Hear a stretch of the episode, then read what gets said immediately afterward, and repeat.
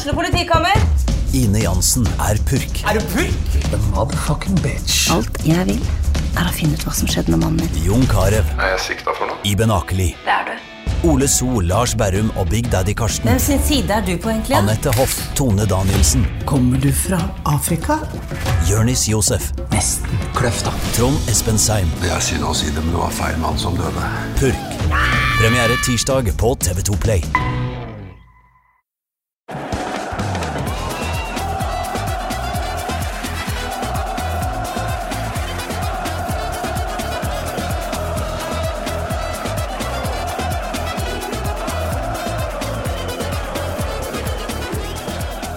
Det livner i lundar, det lauast i li. Snøen skal visstnok smelte en gang i løpet av de neste par ukene, og norsk fotball ruller igjen. Velkommen til Pyro Pivo.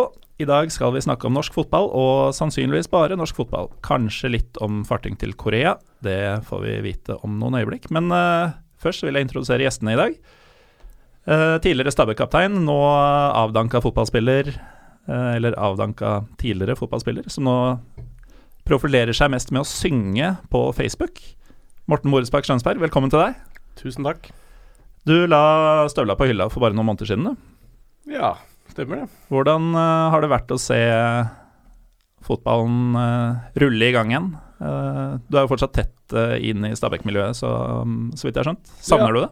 Jeg var i Drammen og kikka på. Det var så kaldt at det kribla ikke i beina, faktisk. Men da ville du holdt deg varm, hvis du hadde vært utpå. Ja, men de andre hadde shorts, altså. Jeg hadde eh, tykk skallbukse. Så nei, jeg har ikke vært så sugen ennå, da. Men det kan jo komme. Pensjonisttilværelsen er grei foreløpig. Ja, faktisk. Ja, det, det er ålreit. Vi har også med oss uh, selveste Eurosport-playeren. Jonas Berg Johnsen, velkommen til deg.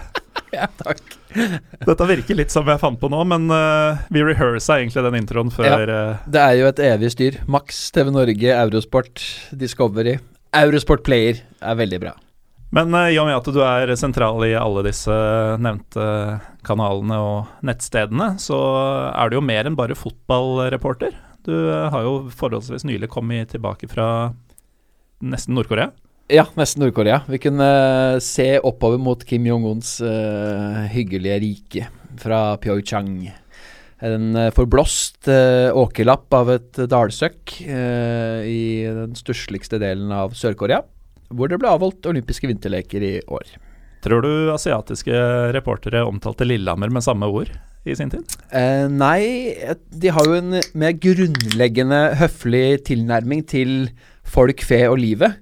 Sånn at, eh, Og i tillegg til den folkefesten som var der Nå eh, skal jeg ikke si for sikkert, traff ingen sørkoreanske journalister som også var på Lillehammer-OL. Men eh, jeg tipper at de var ganske over seg av begeistring.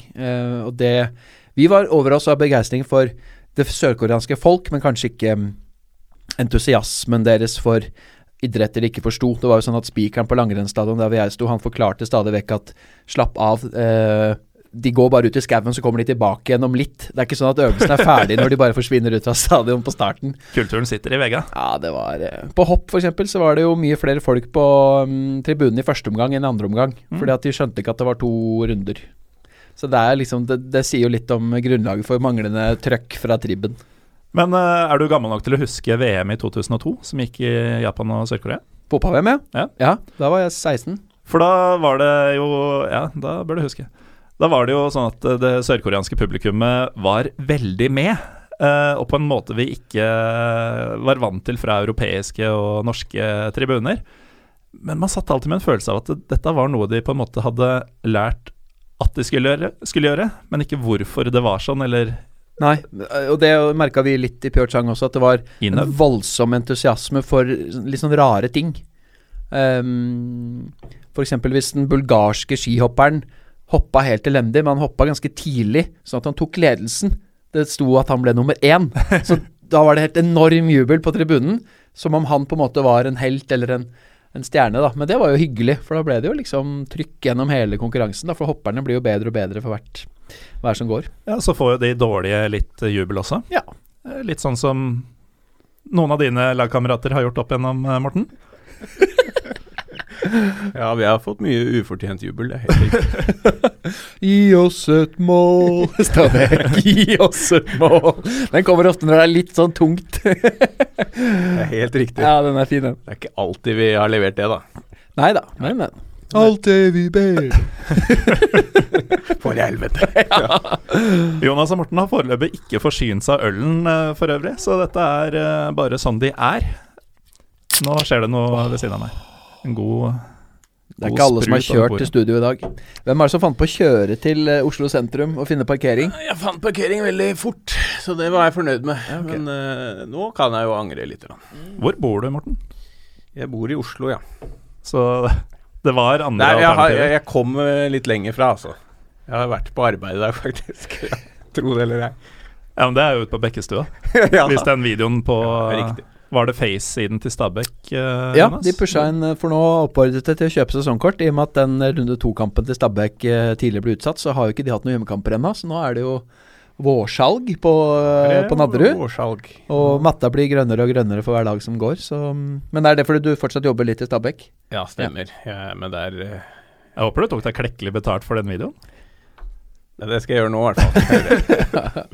For de som ikke vet hva vi snakker om, så sjekk ut uh, Stabæks uh, Facebook-side og en, altså, kjøp sesongkort-promo starring uh, Morten Skjønsberg. Eller la være å sjekke den ut, og bare kjøp eh, sesongkortet med en gang. Som, uh, som Sylvi ville sagt, lik og del.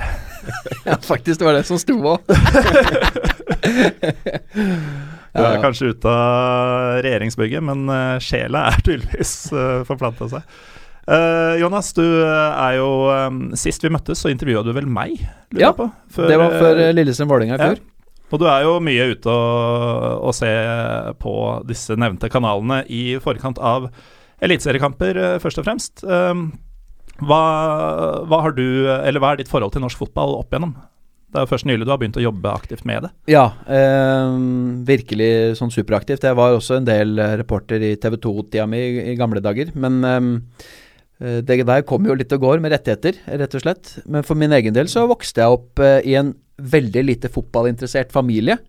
Men begynte å spille eh, mye sjøl, og vokste opp et steinkast fra Frigg-feltet, så jeg er gammel Frigg-gutt. Og så var jeg sporadisk på noen kamper hvor jeg fikk dratt med fattern på lynmatcher på Ullevål eh, da jeg var veldig liten. Men så var det først da Stabæk rykka opp til Tippeligaen, som det het den gangen. Eh, Forfatteren han gikk på Nadderud videregående. Og jeg vokste opp med at man satt på taket på den gamle brakkeskolen der og kikka inn på, på stadion. Eh, så da blei det en sånn eh, oppvåkning i hans del av slekta med storesøsteren min og noen venner av henne og sånn, som jeg syntes det var litt kult å henge med. Jeg var kanskje sju-åtte år. Og da dro vi mye på Nadderud. Så hadde jeg sesongkort i 97, 98 og 99. Men etter hvert så dabba liksom fattern og de her andre litt av, så jeg satt liksom siste sesongen aleine og hadde liksom ingen å være med. Og da mister du litt av den entusiasmen Eller da, da, da fada det sakte, men sikkert litt ut, da, dessverre. Sånn at eh, jeg klarte liksom ikke å holde det helt i hevd. Um, men det Så Stabæk er egentlig mitt lag da, fra, fra gammelt av. I alle dager. Det, jeg har alltid trodd du var mer Vålinga-vennlig. Men uh, for en treat for deg, da. Sitte ved siden av selveste kapteinen. Ja, absolutt. Så jeg husker liksom gamle gode dager da med de eh, fjerdedivisjonsgutta som, eh, som kom seg opp med uh, På 90-tallet hvor liksom eventyret starta, da. Ja, for dem var Satt det vi en på del samme, av samme tribune, vi da? Ja, det gjorde vi kanskje Jeg var med i det som den gang het Tommy og Tigeren-klubben. Ja. Som var eh, for eh, de yngste. Yes. Og Tommy Svindal Larsen var da Tommy, og, og Tigeren var Kjell Roar Kaasa. Thomas det- Svindal Larsen, Thomas Svindal Larsen! Det var fatterns favoritt, husker jeg. Men det var på den tida at uh, toeren på Stabæk hadde en TV 2-logo på ryggen. Stemmer. Mange gimmicks opp igjennom. gimmick, altså. Ja, fy fader. Det var vel da Ingebrigt uh, Sten Jensen prata om uh, framtida med Champions League-fotball på Blue Dream Arena med blått gress. og- Skal vinne Champions League. Helt Og- riktig. Ja, helt rått, ass. Vi sto vel og rista i et sånn Champions League-flagg en periode der også. Ja, mye, mye galskap. Ja, virkelig. Men det var mye gøy og sjel i det som ble funnet på. Alt fra liksom uh, innmarsjsangen med Øystein Wiik til uh, uh, Jeg husker altså sånn bak mål, uh, den overhead flipoveren der hvor eh, hver gang Petter Belsvik nærma seg målrekorden, så løp han og dro av en eh, tall på Nei, det var mye den type moro, altså. Så Stabæk eh, på tross av på en måte sikkert mange rundt omkring i Norges land som tenker at det er eh, Bærum Blærum, så er det en eh, utrolig morsom og kreativ og i- idérik klubb, da. Det har det vært helt siden de kom opp for noen og, ja, noen og 20 år siden. Det har det blitt, faktisk. 95 var vel første året oppe. Mm. Stabæk, Hødd og Strindheim var de nyopprykka laga. Ja, dægen. Ja, vi har kanskje Kristiansund og Ranheim nå, men det har vært verre en gang i tida. Det er sant. Altså, hvis du tenker eh, størrelsesmessig de klubbene der, så kan ikke det ha dratt snittet på tilskuerfronten opp. Spørs, altså. Men uh, du nevnte disse fjerdedivisjonsgutta som, som jobba seg oppover. Det var jo en del av dem, uh, Morten, var det ikke det? Som faktisk blei med eh, mer eller mindre hele veien opp? Jo, vi hadde jo legender som uh, André Flem og Jon Arvid Skistad. Ja. Mm. Det var de to Stopperparet, det var det ikke? Ja. Først og fremst de som var med altså hele veien. Og liksom tok nivået, da. For hver gang de rykka opp, så bare ble de litt grann bedre. Og så holdt de jo nivået også i Tippeligaen. mm. For det Var det sånn Christian Holter og sånn kom inn? da? Var det førstedivisjon og så ble de opp, eller var det Litt usikker på det når han kom inn. ja. Han kom jo fra Asker en gang i tida. Det var lov, eller? Ja, ja. Det må hente lokalt, vet du. Ja, men er det lokalt nok? Ja, Asker. Det må være lokalt nok. Ja, ja, ja, Ja, ja, ja, ja. Asker og Bærum budstikke, jo. Jeg kommer fra en helt annen side av uh, Oslo. Eh, litt mer bondske siden, vil eh, noen hevde. Og eh, jeg veit jo ikke hvor Altså, jeg veit at det er Asker og Bærums budstikke. Men jeg veit ikke om Asker og Bærum føler seg som en enhet, eller om det på en måte er et rivaleri eh, der. Ja, litt grann pga. Budstikka tror jeg at vi føler oss litt sånn sammen, altså. Mm. Men Asker er vel enda mer bønder i bæringers øyne enn Det er lenger ut, ja. Ja, det er jo Ja. det. Selv om åkrene begynner jo like utafor Bekkestua der. Ja, altså Bærum er også en landbrukskommune, men uh, det er kanskje verre der du bor. Hvis det går an å si verre, eller bedre der du bor. Jeg, jeg bor jo i Oslo. Jeg har jo Ja, jeg har kommet meg vekk, jeg da. Men uh, selv i en episode om bare norsk fotball, så klarer vi å snakke litt geografiske forhold i, i landet vi snakker om. Det, er, um, det blir pyro og pivo uansett hva vi snakker om. Uh, men Morten, du har tydeligvis vokst opp på eh, Nadderud-tribunen. Du er vel fra Bærum? Ja, jeg er fra Bærums Verk, så det er Ja. i Bærum, ja.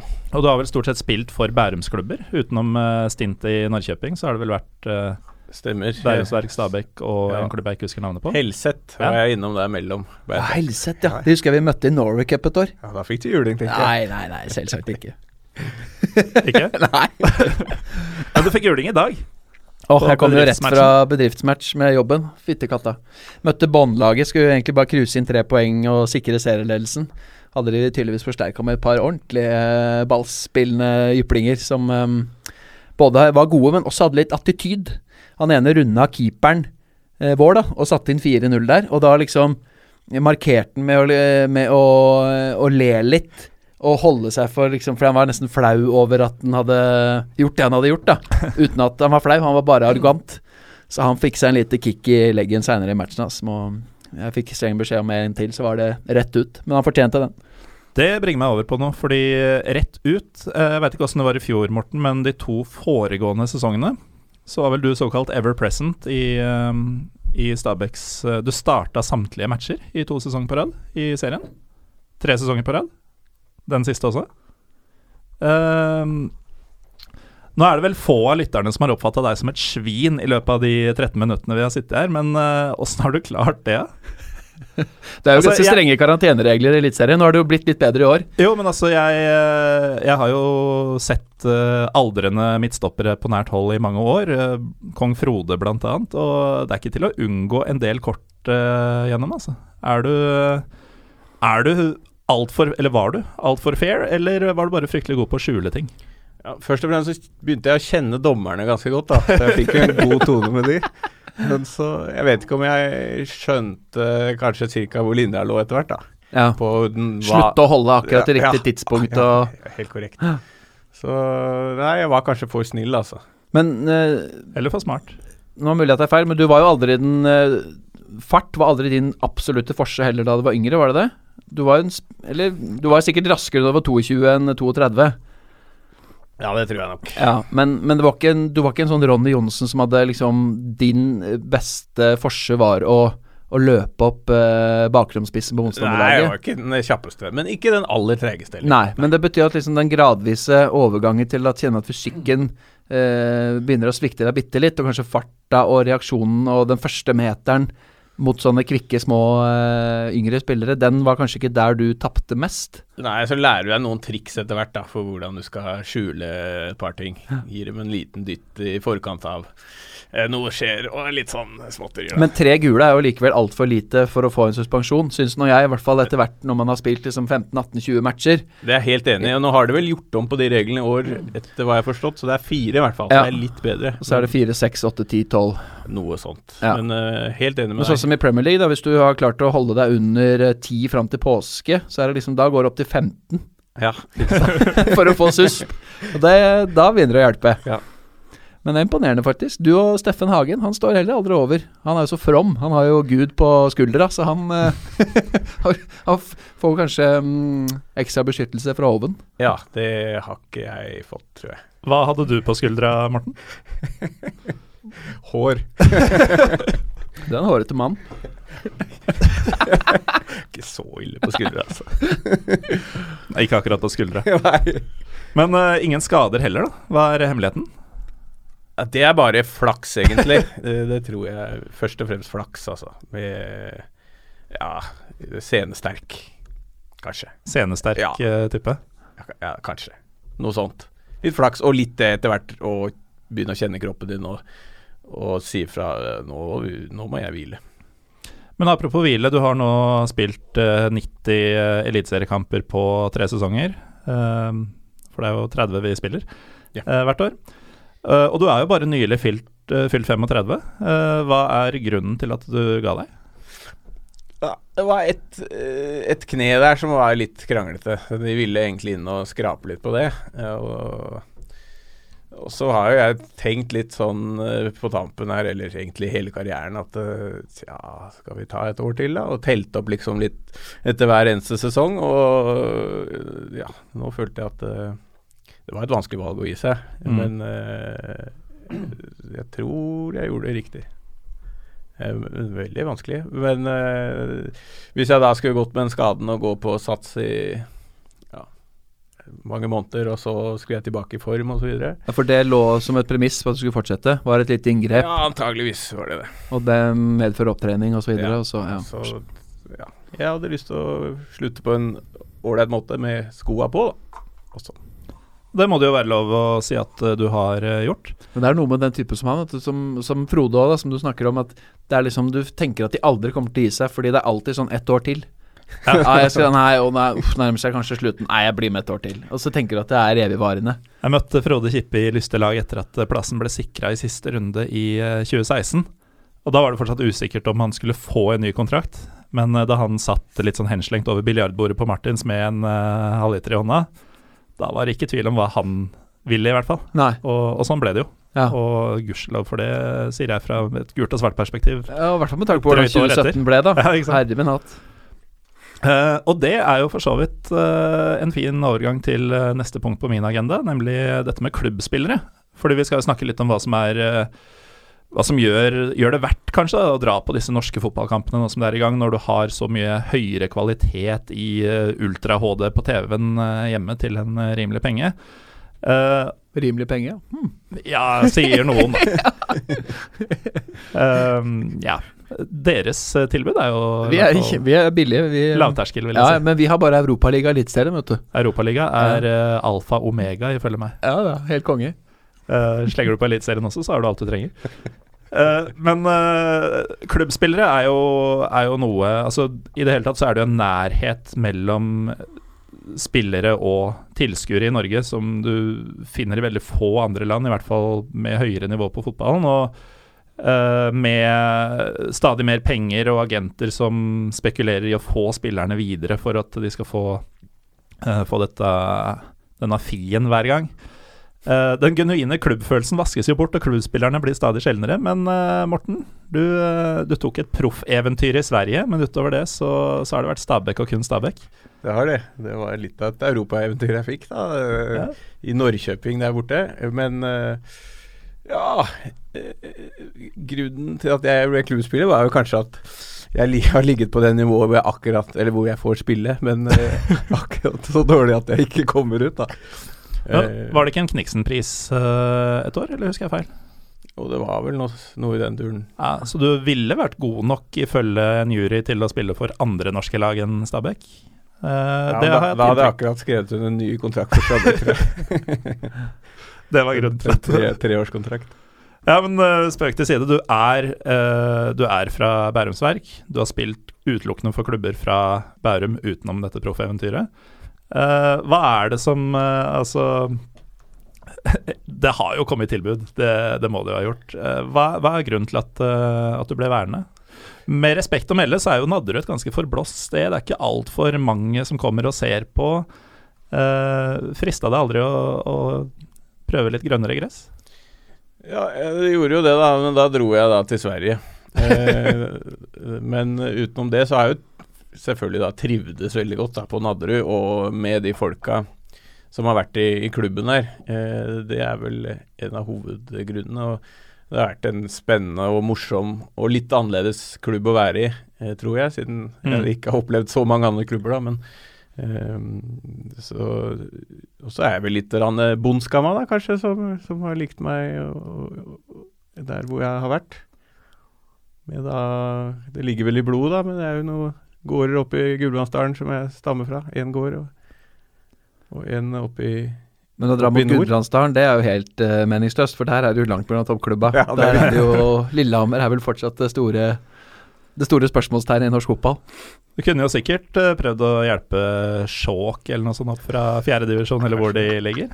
Lage et nytt Stabæk der ute. Ja, kanskje. Jeg tenker på det. Spille på blått gress i, Ja, ja, om ti år. Nye drømmer. Nei, så har det, det har blitt sånn, på en måte. Eh, og så var det veldig morsomt, egentlig, å komme tilbake eh, etter å ha vært i Sverige. Eh, og også da var det jo litt sånn Ja, skal jeg fortsette? Og det, det gjorde jeg. Og da hadde vi jo Bob Bradley, som var veldig morsom og, og annerledes enn mange av de trenerne jeg har møtt før. da Ja, han eh, virker som har eh, gjort inntrykk på deg. Ja da, eh, han jeg syns jeg var ja, annerledes og, og flink, da. På, hvordan, var han, hvordan var han annerledes? Nei, han hadde et voldsomt blikk for spillet og, og detaljer. eh, Og klarte å instruere ja, alle Se liksom alle spillerne på en gang. eh, Stoppet spillet, instruerte én og én. eh, samtidig som han ga en viss frihet, da. Det skulle ikke være eh, noe spesielt mønster, men han ga spillerne verktøy for å løse situasjoner. Ja. Jeg hadde en liten uh, periode hvor jeg befant meg uh, i uh, pressesonen på Åråsen. Uh, blant annet etter at Jeg lurer på om dette var i 2015 Dere vant 2-0 i hvert fall, tidlig i sesongen. 15 eller 16. Eh, Bob Bradley var der, så det var vel 15, da. Ja, kan ha vært det. Og da husker jeg at eh, jeg var jo der for å snakke med mine falne gule, gule og svarte helter, men eh, jeg sto jo da i nærheten av Alle ville jo snakke med Bob Bradley, og eh, Asante hadde putta et bra mål, og de ville snakke med han, men de tok feil. Det var noen fra NRK, tror jeg, som uh, trodde at uh, Luke var det det, var Asante, og begynte å intervjue han som Asante. uh, men det, det var egentlig ikke poenget. Poenget var at jeg sto ved siden og overhørte en del intervjuer med eh, Bradley. Ja. Og for en som eh, i studiedagene streama Premier League-kamper eh, på diverse streams, bl.a. Uh, gjennom, med amerikanske kommentatorer, så husker jeg jeg syns fortsatt det var utrolig rart å høre Bob Bradley. Uansett hvor mye peiling han har, så er det en sånn spesielt amerikansk måte å snakke om fotball på, og snakke om spillere og sånn. The really fast guys og det greia der. Som, det satte meg litt ut. Eh, nesten litt sånn derre at jeg ikke skjønte åssen han kunne få det til, fordi sjargongen var så annerledes. Han var jo veldig amerikansk. Han Ja. er jo det. Ja, ja. Det kan jo hende at noe av det også gjorde at han fikk problemer når han dro til England. England. Ja. Han fikk jo uforskamma kort tid der, da. Ja, veldig kort Men, tid. Uh, men det sier også litt uh, om hvor fort han ble spist opp av på en måte omgivelser, presse, og Mm. at det gikk dårlig, da. Og det så litt uh, hølete og, og naivt ut. Men, men eh, ja. For i Norge så leverte han jo både resultater, og han var jo en kjæledegge. Ja. Han var en stor profil i norsk fotball, og pressen elska han.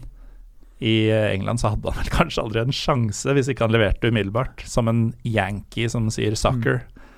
Eh, så kommer han hit og skal snakke med Daily Mail, liksom. Når, når de har tapt. Det er tyngre. Det Kan er ikke, tyngre. kan ikke gå. Lettere å snakke med budstikka. Men uh, Morten, du slo meg jo som en type som uh, jeg, Du var jo med i Toppfotball før forrige sesong, uh, podkasten Toppfotball, Ja. som også hører til her. Du har vel muligens sittet i nøyaktig samme stol uh, den gang. Men uh, jeg hørte gjennom den i dag en gang til for å forberede meg litt, og det slo meg at du virker jo egentlig ikke spesielt fotballinteressert. Sånn, du følger ikke spesielt med på annen fotball enn Stabæk eller norsk fotball, så vidt jeg skjønte? Nei, ikke noe sånn eh, voldsomt, men jeg tror kanskje det tar seg litt opp nå, som jeg ikke spiller selv. Ja. Uh, det, det tror jeg. Men uh, ja, du har nok litt rett i det. For du må ha så og så mye fotball i livet ditt, og nå som den spillende Stabæk-delen er borte, Ja, så så må du fylle opp det med Så må jeg jo se mer kamper og, og sånn, så Ja. jeg tror eh, Men er det da Stabæk eller noe annet du vil følge i tillegg? Ja, Stabæk vil jeg jo nok alltid følge med på. Eh, men eh, jeg, jeg vil tro at også utover her at jeg vil se litt mer på andre ikke idretter, men andre lag. Men hvordan er det å være ikke-interessert i fotball? Fotballspiller? Ja, jeg er ikke ikke-interessert, Nei. men det er veldig mange som er veldig mye mer interessert, da, som jeg spilte på lag med. Eh, så det er feil å si at jeg ikke var fotballinteressert. Eh, men eh, ja. Jeg er nok mer fotballinteressert enn en vanlig mann, kanskje. Men eh, litt mindre var jeg da enn en mine medspillere. Skal vi si det sånn? Så ikke altfor fotballinteressert. Ja, riktig. Eh, riktig. passe. Passe fotballinteressert. Eh, og, og, og så var det vel egentlig ikke Det var vel aldri planen nødvendigvis å bli fotballspiller? Nei, jeg tok det egentlig litt etter litt. Uh, da jeg skrev på da i 2000 som juniorspiller, uh, så var det liksom med frykt om å havne på andrelaget på, på juniorlaget og litt sånn. Og så ja, gikk det litt bedre, og ja, skal jeg ta, skrive på en til, da. Så prøve et år til på A-laget her og se åssen det går. Og ja, så balla det på seg, da. Så blei jeg der, da. Brukbar snøballeffekt det der. ja, det er fint, det. Men uh, grunnen til at jeg nevner dette, er at eh, Som jeg så vidt nevnte tidligere Jeg syns noe av det mest fantastiske med norsk fotball er denne, dette manglende skillet mellom eh, disse faktiske toppidrettsutøverne, selv om Myggen ikke ville kalt det det, eh, og oss som ser på. Eh, det at eh, du, Morten, kunne møte uh, Rikard Jansen og Posse og alle disse på Onkel Blå. eh, før og etter, kanskje mest etter, Før match. Ma- match. Ja, mest etter ja. Eh, og at dette er noe som foregår rundt omkring. da, At eh, det at eh, Det jeg skulle fram til i utgangspunktet, var at du slår meg som en veldig vanlig fyr. Altså Du ville hatt et veldig vanlig liv om du ikke var fotballspiller. Og jeg, jeg innbiller meg at du er sånn der fyr som uh, bor i et helt vanlig nabolag, henter i barnehagen, Uh, liksom hele den der pakka som en, som en helt vanlig arbeidende fyr ville hatt. Og når du da har den uh, posisjonen i, eh, i norsk fotball som du har, og Stabæk spesielt, da, at du må jo etter hvert kalles en legende, selv om du kanskje ikke ville brukt de orda selv. Nei, det ville jeg ikke. Nei, men at Ville du gjort det, Jonas? Ja, ja. Lett. Ja, ikke sant? Um, Det er jo ikke noe tvil om det. kan ikke du overbevise Morten om, uh, om at han er det? Jeg tror han blir så pinlig berørt. Ja, han ser jo at uh, tomatfargen uh, popper jo mellom kaffekoppene her. Ja, Han gjemmer fjeset godt inn i kaffekrusene, som, som ikke er større enn hånda hans. så det Nei, skal vi gå videre? Men jeg tror du har helt rett i det med at han også føler seg som en ganske vanlig fyr. Ja, det er jo en ganske vanlig fyr. Håper jeg. Ja. Men hva skulle en fotballspiller ikke vært hvis han ikke var en vanlig fyr, hvis han ikke spilte fotball? De er jo ikke på en måte øh, overmennesker eller guder eller Nei, noen er, skapninger som kommer regnende fra himmelen. det er nettopp det. I, eh, I en del kulturer så er det jo nettopp det. Eh, Jeg har jo et nært forhold til tyrkisk fotball. Jeg skal ikke kjede deg med det, Morten. Men eh, Jo, jo. Der er det jo sånn at ikke bare spillerne, men også klubbpresidenten er jo halvguder. Eh, og de eh, Du vil aldri møte en, eh, hvis du er Galatasaray-fan, du vil aldri møte en av spillerne med mindre det er en helt spesiell sånn meet and greet-greie, sånn Justin Bieber-opplegg nesten, til sammenligning. De bor i helt sånn spesielle rikmannsstrøk som gjerne inngjerda De kan jo ikke gå ut. Jeg husker jeg snakket med Alansinho. Han, kan, han kunne jo ikke gå ut. Han Nei. ble da angrepet av eh, folk som ville bort og kysse og klemme på han, og autografer og bilder. Og, Ja, ikke sant? Så, så det er helt umulig. Men positiv oppmerksomhet, for det er Ja, jo en og annen hatklubb i eh, Ja, Istanbul. ja, stort sett, men det ble så mye, så det var liksom helt umulig nesten Ja. å, å bevege seg utafor de murene han bodde i. da. Ja, ikke sant, og dette er jo et land hvor fotballen ikke er nevneverdig bedre enn her. Men, eh, og da kan man jo tenke seg Premier League, for eksempel. Den, den voldsomme segregering, eller adskillelsen, mellom utøver og tilhenger. Uh, og det gjør at jeg tenker at uh, en av hovedgrunnene til å følge norsk fotball, er jo at uh, du har lokale folk som deg, som, som vokste opp og fulgte den klubben, og nå spiller for den, og etter hvert ble kaptein og vant seriegull. og ja, møtte Juan Mata på banen. Ja, det gikk jo kjempebra. Nei, men ikke sant at, uh, at Se vanlige folk spille fotball. Mot Juan Mata og hans likemenn. Han òg virker som en ganske vanlig, bra fyr. Ja, det var kanskje et dårlig eksempel, uh, akkurat det, for han kunne jo like gjerne spilt for Stabæk, sånn personlighetsmessig, virker det som. Nei, men uh, ja, nå ble det et langt sammensurium av det jeg egentlig prøvde å si, men Har du møtt fans på Kiwi? Hva var det egentlig spørsmålet? Eller Ja, det har jeg. Det er stort sett veldig hyggelig, altså. Men eh, Jonas, eh, kan jo ta, ta deg, da, du som tross alt følger eh, et lag i utlandet, i hvert fall. Um, er, det ikke, er det ikke fett hvor ekte norsk fotball er, Jo. eh, når det kommer til stykket? Jeg, jeg syns det er så rart når uh, folk sier vi om Liverpool og sånn. Når du har muligheten til å, og, se dine lokale folk, kanskje du har vokst opp med noen, kanskje du uh, Ja. Og dette er uke etter uke. Det er ikke sånn at du sparer opp uh, hele året for å dra to turer over til London, f.eks. Dette er Nei, noe du kan ha tett i livet. Nei, og jeg er jo litt svar skyldig der, da, på en måte. Etter at uh, Stabæk-entusiasmen uh, blei litt borte i mangel av lekekamerat, egentlig. Ehm, så har jo Arsenal også fulgt meg veldig tett fra omtrent samme tid, rundt enda tidligere, egentlig. Um, som kom inn via noen familiekompis, som gjorde at det snodige, intime forholdet til en fotballklubb uh, i et helt annet land bare vokste seg så nærme hjertet mitt. da, og Det er jo vanskelig å forklare. og Jeg også sier jo vi av og til om Arsenal, selv om det hører eh, sjeldenhetene til de siste åra. Etter hvert som eh, både man er blitt eldre og begynt å jobbe med dette her og fått et mer distansert forhold til det og er møk lei hele karusellen. Og jeg må jo si at utviklinga i internasjonal fotball er jo direkte kvalmende. Altså Dette her med summer og sånn blir jo helt absurd, men eh, det er jo en del av et bilde, og vi er jo opp med å bygge opp under det som fans av en global industri. Eh, og vi er jo med å betale for det etter hvert som eh, månedspremiene går opp fra år til år, og, og prisene bare blir villere og villere, og agentene i særdeleshet putter penga i lomma. Um, som er på, byr meg imot på så utrolig mange måter. Um, så jeg vet ikke, jeg har tenkt litt på det, hvorfor min Arsenal-entusiasme har fada litt vekk også de siste par, tre, fire åra. Om det er en blanding av alt, eller om det er, eh, er litt det der med at eh, det er blitt så, så svært. Men, men den avstanden som på, har jo vært der, den geografiske avstanden, er jo lik hele veien. Og jeg, noe, et av mine største minner i livet er jo første gang jeg var på Highbury. Eh, som tiåring å gå opp trappene der og kjenne på den gamle, gode atmosfæren. Mm. Det var en mandagskamp mot Tottenham med åtte kickoff. Altså det, det er jo et av de tingene jeg kommer til å ta med meg til graven. Så det å ha et utrolig nært forhold til en klubb på den måten, og det jeg vokste opp med, det mener jeg ikke står egentlig i motsetning til at man også kan ha et norsk lag, eller at man har det samme med et norsk lag og, og er enda tettere på det. Eh, og nå har jeg det da dessverre litt fordi jeg ikke har vokst opp i en familie hvor jeg ble dratt hardt nok inn i det, eller jeg klarte ikke å skaffe meg et miljø som gjorde at eh, det blei f.eks. Vålerenga, da.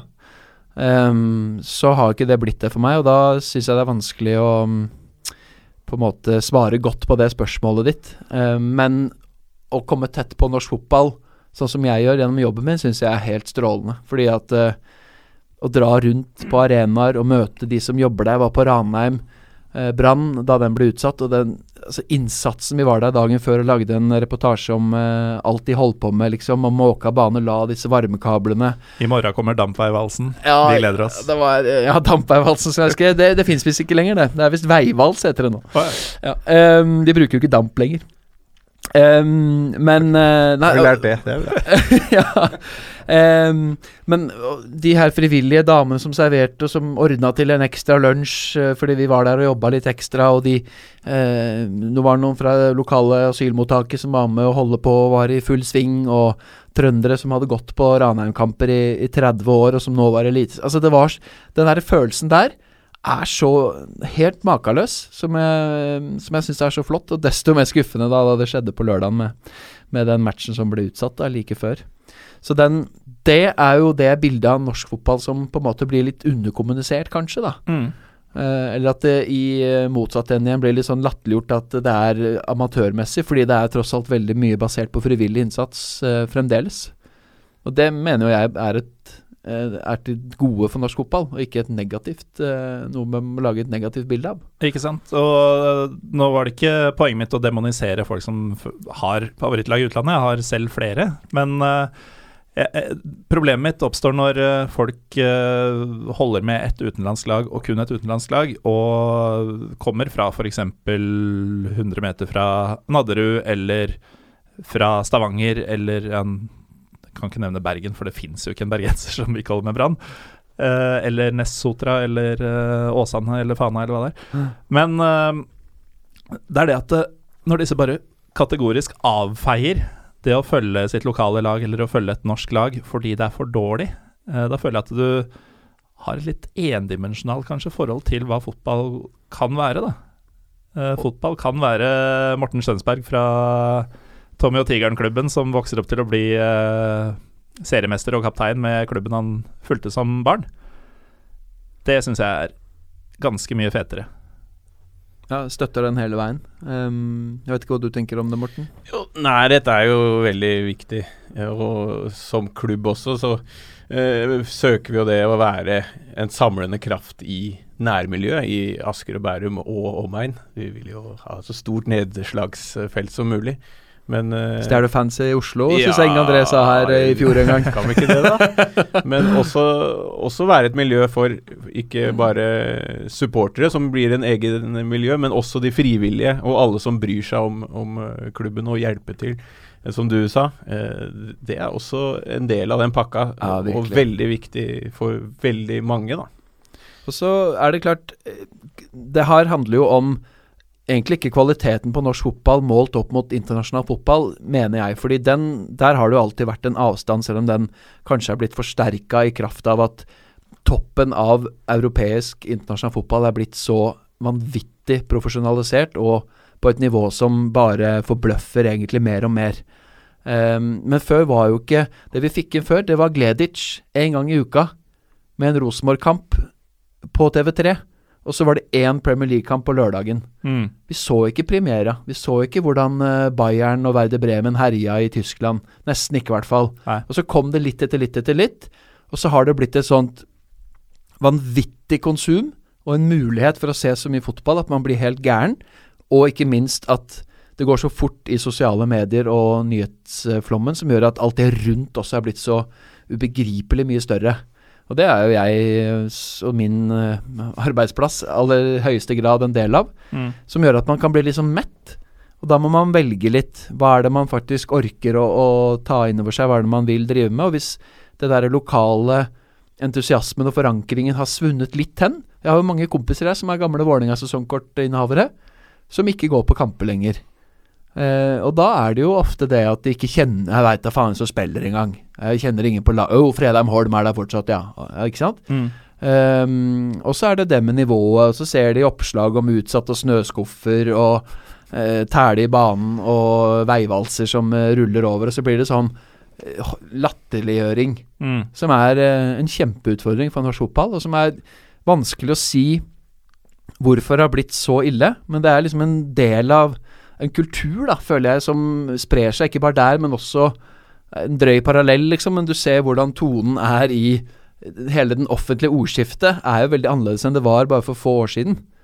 Um, som, um, som er en del av et større bilde, tenker jeg. Og så, altså, men det er jo bare uh, ti år siden Stabæk rykka ned på Ullevål med 24 000 på tribunen. Det er ikke sånn at uh, det Morten Berre og Freddy Doss og gjengen dreiv med i 2004 var så voldsomt mye bedre enn hva som foregår i Vålerenga i dag. Forskjellen er jo at nå sliter Vålerenga med å etablere seg helt til toppen, da, men ikke kom her og si at kvaliteten på norsk fotball var så grenseløst mye bedre for åtte-ti år siden, da tilskuertallene var oppe i over 10 000 i snitt per match. Nei, Det er jo et- et godt poeng, og det Da kan vi jo egentlig ta et, eh, et eh, lytterspørsmål. Vi har eh, fått inn litt eh, på Twitter. Det er kringkast at dere to skulle komme, at vi skulle snakke om norsk fotball. Og selvfølgelig et høyaktuelt tema nå er den tidlige seriestarten. For denne latterliggjøringa og amatørperspektivet og sånn, den har jo virkelig hatt vind i seila de ukene nå. Ja, og det, litt med rette. Det Der uh, brukeren Fula at Eva Eve Amu1 eh, antar at han er Lillestrøm-fan. Uh, som rett og slett skriver uten spørsmålstegn tanker om tidlig seriestart. Vi må ikke glemme at uh, tidspunktet er utrolig overhypa her, da. Er Eliteserien har. Eliteserien har starta i mars i mange år. 1. april riktignok i fjor, litt tilfeldig pga. påsken og sånn. Men utover det så har jo seriestart vært i mars i mange år. Og det er ikke sånn at det ikke kan snø både på Østlandet og i Tromsø i april. Det også har skjedd før. Eh, og Det snør i oktober, det snør i november. Det kan være iskaldt da også. Så akkurat det der med tidlig seriestart er jo bare eh, utrolig dårlig kombinasjon med den knalltøffe vinteren. Og jeg mener jo at svenskene gjør det mye riktigere med å tighte sesongen. På tross av at de er med i mesterskap, har de altså seks uker kortere sesong Stemmer. eh, i år, i, i 2018. Og vi har jo ved klubbene, og særlig da toppklubbene som skal ut og spille Europa, som vil ha juli veldig i fred, fordi at de da spiller eh, playoff og, og kvalikrunder i Europaligaen og Champions League, deriblant Lillestrøm. Um, vil ha fri sånn at de har uh, mindre belastning og mindre reisebelastning i de periodene der hvor det er da kvalikkamper. Tirsdag, onsdag, torsdag. I midtuka så er det for å slippe helgekampene. Men det jeg ikke forstår, sånn som i fjor, så var det elleve serierunder og tre cuprunder i april og mai. Da dundra man av gårde og spilte liksom 14 kamper på eh, åtte uker. Og da var det på en måte ikke noe stort issue at man, eh, at man på en måte hadde to kamper i uka. Da gikk det greit, men det går ikke greit i juli. Ja, ok, det er kanskje litt lenger å reise til, eh, til eh, Øst-Europa og Sentral-Europa og spille kamp, men det betyr jo ikke at ikke det er umulig. Og det er jo fortsatt få lag som skal ut og spille noe særlig mer enn to, fire, seks kamper i, i de sommerukene. Um, men så er det også det kommersielle hensynet, da. I juli så er det færre folk, og det er mindre reklame på TV, og det er mye sånne ting også. Tror du TV styrer dette? TV er med å bestemme, ja. Det vil jeg tro. Absolutt. Men der eh, hovedtyngden og ansvaret for tidlig seriestart ligger hos klubbene. Og NTF, som jo eh, fremmer klubbenes interesse og melder inn til NFF. Og så er også TV med på å si at vi også gjerne vil ha lengre sesong. Men sånn som det er blitt i år, så er det jo helt katastrofe for oss også, selvfølgelig. Men dette er en viktig uh, distinksjon, fordi eh, jeg, jeg kommer jo fra supportermiljøet selv, og for oss er det en selvfølge at alt som går gærent, skal rettes mot Fotballforbundet. All vrede. ja. Men de er jo faktisk, eh, om ikke helt frikjent her, de er ikke hovedskurken. når Virkelig ikke. gjelder, Hadde, eh, hadde klubbene i fellesskap bestemt at vi starter ikke før 10. april, så hadde man ikke gjort det. mm, Så enkelt er det. Nei, ikke sant. Morten, du som eh, tross alt har spilt på dette nivået, og som har hatt eh, et og annet europacup-eventyr, hvor du annet så Mata smette forbi noen ganger. Og én gang. Nei. Eh, hvor, eh, hvor god sak har klubbene når de skal ha disse sommermånedene i fred for å spille Europa? Er det en for stor belastning å ha noen serierunder ekstra på den tida? Jeg mener det er fullt mulig å gjøre sesongen kortere. Eh, Det er ofte eh, store altså, uker på seinere på, på høsten der hvor det, det er mulig å putte inn noen kamper. Altså. Ja. Så, så dette hadde man løst hvis man ville. Det hadde gått helt, helt fint. Og tenk, sånn som det er nå, så er det noen lag som spiller tre kamper mellom VM-start 10.6 og Øyafestivalen, som begynner 12.8. Mm. Tre kamper. Hvis én av de er hjemme, da, så har du to bortekamper og én hjemmekamp. Én match på to måneder, på ni uker, mellom juni og august. Det er ganske tungt, da, som supporter.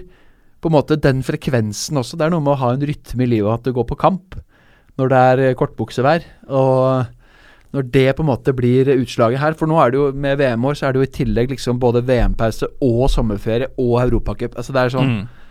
Og I tillegg så ligger det en cuprunde i starten av august der, hvor uh, man har kommet til kvarten vel i cupen, og det er lagt i en helg. Og det gjør jo at de lagene som da ryker ut av cupen, som kanskje er da åtte-ti eliteserielag, de har jo også en, enda en frihelg der, da. Så det blir um, Nei, jeg vet Så vi er ganske unisont eh, kritiske, rett og slett, til åssen sesongen har vært uh, lagt opp. Ja, så jeg skal ikke skrike for høyt, jeg, men eh, jeg tenker at hvis klubben høyt, altså. Jo, men hvis klubben hadde bestemt sjøl, eh, og tatt tak og tenkt okay, hvordan, hvordan, hva slags effekt gir dette her faktisk for opplevelsen av å, å gå på kamp på, på vår stadion Mm. At det, man risikerer å ha én kamp på to måneder midt på sommeren, mellom juni og august. Så hadde jeg jo tenkt at det må vi kanskje justere litt på.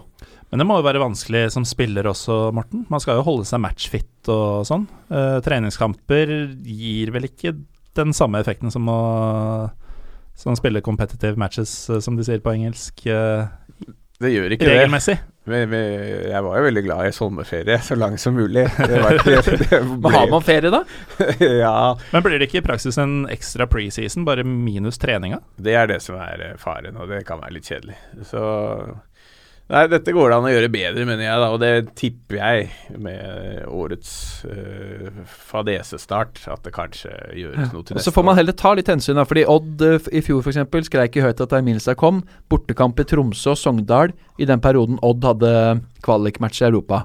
Ok, prøv, Jeg vet det er mye, mange hensyn å ta, men hvis det er et av de viktigste elementene som, eller grunnene til at man ikke har sommerspill, legg den i hvert fall til rette sånn at Lillestrøm, Rosenborg og Molde og uh, Sarpsborg, er det vel, at de får et par hjemmekamper i liksom juli der, da. Tenk at Lillestrøm er i det selskapet.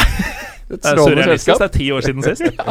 Og da var det, var det da dere røyk mot et Luxembourg-lag, eller var det eh, Nei, det var København. Ok, men det, det er Luxembourg greit. var eh, Tom Nordli sin skyld, året før. Eh, Ok, ok. Ja. uh, Det var en tung europasommer hvor Brann røyk for Åtvidaberg, tror jeg. var det samme året? Ja, hvor svensk Ettan-klubb og Luxembourg-lag slo ut liksom de to av de tre norske deltakerne i Europa. Var for kort sesong, vet du. Det må ha vært det. Uff. Uh, jeg må ta et annet Uh, Siden podkasten heter Pyro og Pivo, så skal jeg ta et par spørsmål som det ikke nødvendigvis dere har noe svar på, men vi prøver. Det er uh, HamKam-supporter Quadrofenia. At Kvadrofeni. Quadrofeni. Hei. Hei, Kvadrofenia. Han har vært gjest her, faktisk. Oh, ja. Eh, han skriver at uh, Eller Jeg kan ta og forklare situasjonen for dere først. Uh, det har de siste årene vært jobba aktivt fra Norsk supporterallianse med din gode venn Posse, Morten, i spissen for å eh, gjøre det lettere for supporterne å bruke pyroteknisk materiale lovlig på tribunene. Eh, og fra et henholdsvis medie, Jonas, og spillerperspektiv, uh, Morten, hva syns dere om pyro? Og nå som Spørsmålet er egentlig NFFs nye retning, fordi de har nå bestemt seg for å gjøre det litt vanskeligere igjen. Så etter at pila pekte eh, mot mer pyro tidligere, så har de nå begynt å stramme inn noe mer. Uh, hva syns dere om dette? Er det farlig og skummelt, eller er det gøy, eller er det ingen av delene? Det er jo veldig stemningsfullt, da. Det, det er det. Men eh, det, kan- det kan jo være farlig også. Så Jeg er pyrofan de luxe. Altså For åpninga av en match, My man. inngangen til kampen, så er det jo helt rått med pyro. Masse pyro. Mer pyro. Så Mer hvis pyro. eh, NFF begynner å stramme inn på det, så mm, skal jeg sparke dem i leggen neste gang jeg ser noen. Uefa presser jo ovenfra igjen, da. Så det er ikke, okay. igjen, det er ikke kun NFF, men det er jo de vi forholder oss til eh, her til lands. Ja, det skjønner jeg. Um, Husk at det, det jobber jo ikke eh, bare idioter i Norges Fotballforbund, sånn som uh, en del liker å mene og skrike høyt om. Det er veldig mye bra folk som jobber i Norges Fotballforbund, og det er ofte en grunn til at man tar en del av de avgjørelsene man, man tar, da. du høres ut som en mann som vil beholde jobben sin. Ja, nei, nå er jo ikke jeg lønna av NFF-selskap heller lenger, da. Nå var jeg jo det en periode. Men nå, nå ehm, har jeg ikke noe Nå kan jeg godt sparke NRK Nei, ikke NRK, men uh, melde høyt om NFF, jeg. Det går helt fint. Pyro ser bra ut på TV. Det ser helt rått ut på TV. Det er jo kult. Ja, det er, det er kult for spillere, også. er det jo Det er jo Det gir stemning, altså. Det, Ja. det gjør det. For det er jo litt interessant. Jeg husker eh, Jeg ble jo selv utestengt fra Lillestrøm-matcher eh, i kjølvannet men det var uh, Lillestrøm-Vålerenga høsten 2011. Bekmørk eh, høstkveld hvor eh, det lyste godt opp på eh, ståtribunen på Åråsen eh, ved innmarsjen. Jeg husker Kari Messediri, som eh, sikkert har sett sitt i eh, hjemlandet. Eh, han ser man da under, på hovedkamera, da, når innmarsjen skjer, ser at han titter opp på tribunen og bare gliser fra øre til øre etterpå. Og Morten, jeg har jo bare sett dette fra tribunene og på TV. Du har sett det fra banen. Uh, er, det, er det fryktinngytende på noe vis? Uh, altså, gjør det noe med dere? det. Ja, det gjør kanskje litt. Altså uan, Uansett, da, hvis det er mange på tribunen, så, så gjør det noe med det. Hvis det i tillegg lager litt lys og lyd, så gjør det kanskje en, enda, enda litt til, da. Eh, så, så jo, det, jeg, det påvirker spillerne hva som skjer på tribunen. Det er ikke noe tvil om. Og som sagt så kan dette være stemningsfullt, og det må vel gå an å lage et regelverk hvor man får til pyro i ordnede former. Det må vel gå an. Det er jo det man er ute etter. Hva er det det skal strammes inn på, konkret? Eh, det har jeg ikke helt her nå, men det er jo tidspunkter og hvor på tribunen man kan stå. Altså hvor mye som skal være klargjort på forhånd, da, og, og hvor, uh, uh, hvor fritt man står hvis man har fått tillatelsen til å bruke. Hvorvidt man kan gjøre det gjennom kampen, om man kan stå litt forskjellige steder på tribunen, eller om man må være der hvor eh, disse sandbøttene er. Altså såkalt tinnsoldatblussing var Det er populært. på en stund, nedsida, altså. Hvor folk sto bare på en rekke Ja. på indre bane, nærmest. Det er jo det, jo, det er det jeg tenker er den beste løsninga, egentlig. da Men Jeg vet ikke om Jeg har aldri stått på en tribune hvor folk har møtt å blusse inne blant Inne blant fansen. Men der du, kan du har mye å oppleve, Jonas. Ja, men der kan, der kan jeg jo forstå sikkerhetsaspektet, kanskje, da, hvis man spir opp uh, innimellom, midt mellom- innimellom folk. Men uh, Ja, men så er det litt sånn, hvis man vet f.eks. cupfinalen i fjor, da. Alle visste hva som kom til å skje hvis Lillestrøm i det hele tatt scora. Uh, det var 25-årsdagen til Kanarifansen, så Lillestrøm trengte ikke å score engang. Man visste hva som kom til å skje. Uh, og da er det jo sånn, vil man at disse skal distribuere bare mellom folk man stoler på, selv om disse kanskje har tatt en øl for mye, eller hvis man veit at det skal skje uansett, uh, at dette kan foregå i ordna former, da, folk som veit hvordan man behandler det, uten at de skal uh, være redd for å bli tatt. Uh, ved å gjemme seg og kanskje bøye seg ned bak noen i stedet for å bare Ja. Uansett, pyro er gøy, men eh, det må, uh, må gjøres riktig. Er vi- enige om det? ja, så definitivt. Akkurat hvor grensa skal gå, det har jeg ikke noe formening om. Det var pyrodelen. Så er det Sylvester eh, fra Vålerengas alternative supportmiljø. Garantert pro pyro. Han uh, lurer på tanker om øl på tribunen. Nå hadde vi en episode nylig hvor to karer kom hjem fra fotballtur til Tyskland. De var veldig pro øl på tribunen. Hva tenker dere? Øredøvende stillhet. Jeg er jo tilhenger av det, jeg. Jeg er ikke noe Men jeg, um, man må jo få det inn i ordnede konsum. Man ser jo ut i Når det langrennsglade folk skal ut i, Ja, i marken, så kan det gå litt over stokk og sten. Det er et ugunstig tidspunkt å fronte mitt uh, synspunkt, i hvert fall. Så Men det er klart eh, Den femmila har jo blitt et, uh, en fest. Det er jo blitt en 17. mai, møter, møter ski og idrett. de kaller det vel Holmenkollfestivalen? Ja, jeg det, jeg gjør det. Jeg vet ikke om det var Holmenkollen skifestival. Holmenkollen, ja, det gjør de. Slenger du på festival på noe, så er det jo dømt. Ikke sant? Nei, jeg- jeg mener jo at hvorfor skal man eh, kunne drikke mm, alkohol på vippen, Mm. men ikke vanlige folk kan drikke alkohol? Bare der tenker jeg at det er en helt sånn merkelig segregering, nærmest som du sa i stad. At man, man tillater fiffen, eller de som blir påspandert å være der, og kanskje ikke har all verdens interesse av selve fotballkampen. De får eh, drikke, men man får ikke drikke som vanlig supporter. Det er helt merkelig diskriminering, spør du meg. Har du noen tanker eh, for eller imot, eh, Morten, da, som du har blitt sivilist og kanskje skal sitt- se noen kamper fra tribunen? Så mye på tribunen, da. Eh, jeg vet ikke, hvor mye rekker du egentlig å drikke når du ser fotball? Det er jo et spørsmål. Og det er jo et spørsmål som betyr hvorfor ikke tillate? Yes. Og en ting er jo om det kommer overstadig berusa folk eh, og som vil inn. Mm. Det er jo samme som på et utested eller på en konsert eller hva som helst. Er du for dritings, så må du jo nektes inngang. Det er nå liksom en, en, en grei sak. Men hvis du først kommer inn, så er det jo helt riktig. Du rekker kanskje én øl eh, eller to maks, nesten, før matchen. Og så en i pausen. Det er jo det du får, rekker å få i deg. Mm. Dette har man jo gjort i, på turer til England og Tyskland og overalt i årevis. Det går ikke alltid bra med nordmenn på sånne turer, da. Nei, men det er overtenning da, vet du. Fordi at um, det plutselig er lov. Men selv, Jaha. Eh, selv de fleste steder rundt omkring i Europa er det jo forbudt å ta med opp på tribunen, da. Man får lov til å drikke Mm. gjerne i baren uh, nedafor, og ikke inne på selve setene. England Så- er det vel at du aldri kan ha direkte syn inn til uh, banen. Ja, du må på. velge mellom å drikke og Ja. Eh, Men- men men fattern, fattern løste det jævla greit da vi var med lille nevøen min på Arsenal-match for noen år siden. Da kjøpte lille, lille gutt eh, brus, og så bælma han den ned, for han var tørst. Og så helte vi bare ølen over på den, uh, det brusbegeret. Og den sjekker de ikke. Og brus er jo lov å ha med ut. Så det er, det er muligheter for å ordne seg, da. Det er jo det. Man må bare være litt smart. Ja. Men altså, vi antar at vi alle tre har kjørt fly før. Og skal du handle noe som helst i en taxfree-butikk, da, og det kan like gjerne være en pakke Fishman's Friend som, eh, som øl, men du må jo beepe boardingkortet ditt. Uh, og hva om man hadde lagt inn en automatisk restriksjon på kampbilletten eller på sesongkortet, maks to enheter i løpet av oppholdet eller noe sånt. Ja, eksempel. Og så kunne det sikkert ha blitt at noen drev og distribuerte litt billetter med altså, Ja, du hadde jo fortsatt måttet ta tre-fire billetter. ja. Nei, jeg mener at det hadde vært helt tipp topp.